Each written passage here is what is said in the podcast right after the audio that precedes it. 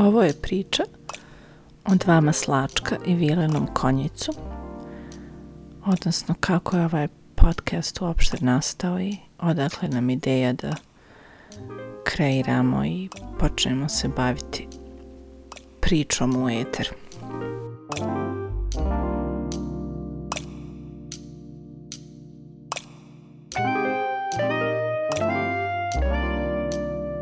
Bio je jednom davno jedan dječak i zvao se Nermin.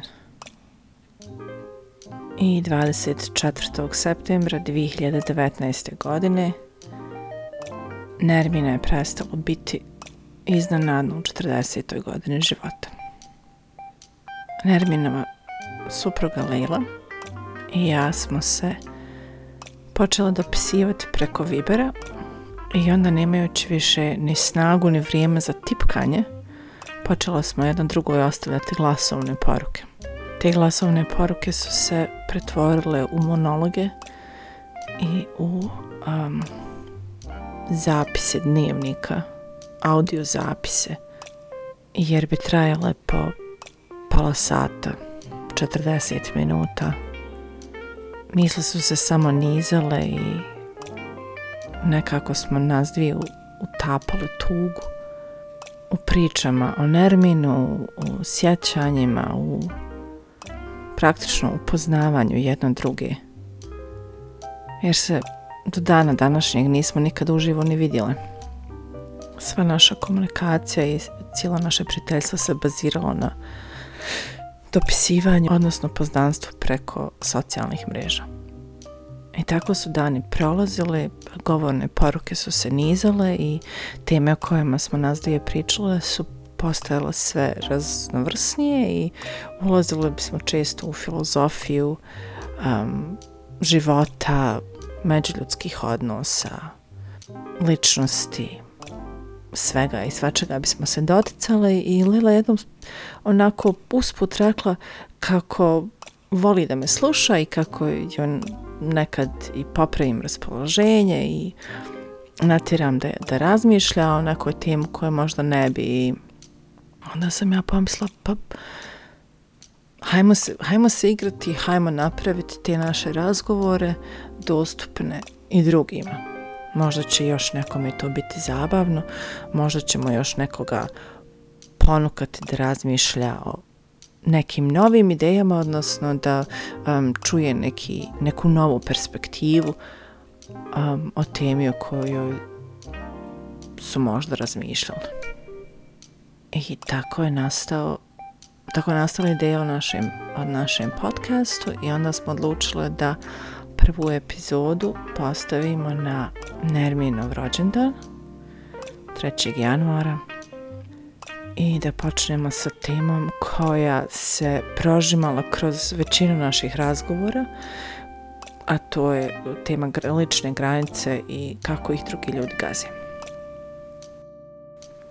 Format našeg podcasta je utoliko drugačiji od većine drugih e, što Lila i ja smo na dva različita kontinenta, Leila je u Sarajevu, ja sam u St. Louisu u sred, sred Sjedinjenih američkih država i nastavljamo, odnosno prebacili smo a, naše glasovne poruke a, na podcast. Znači, format naše priče je a, praktično ostavljanje, odnosno slanje a, glasovnih poruka jedna drugoj.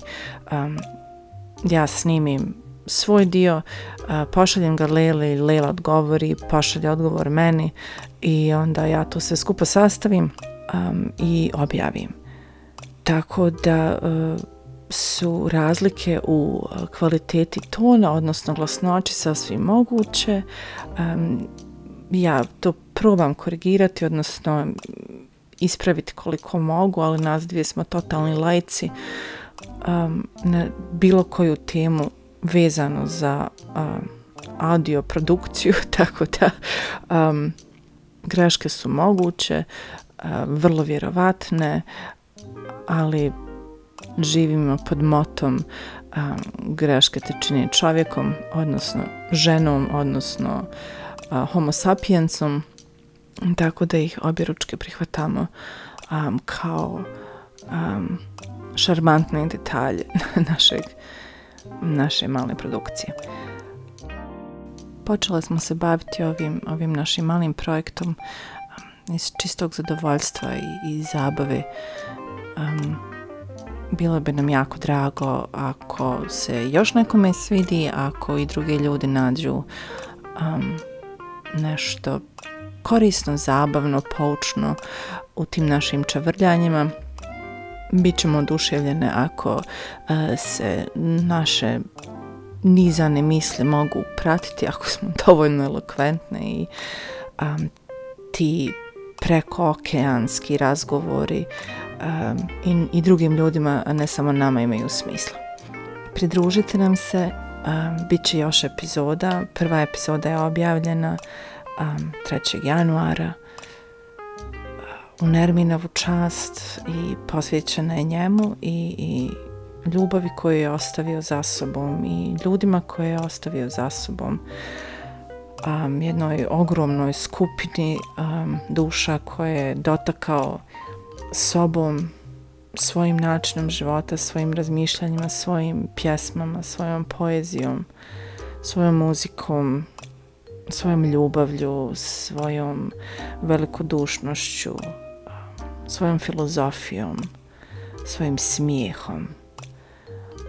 Jedna je od mojih najdražih uspomena su vezane za njega i na naše puštanje um, mozgova na pašu i, i nizanje nekih nebuloza i um, nivoa i, i svjetova koje bismo se dotakli, kojih bismo se dotakli a, u tim nekim našim razgovorima koji su se apsolutno uvijek bez, bez ikakve dvojbe završavali grohotnim smijehom i, i, i suzama.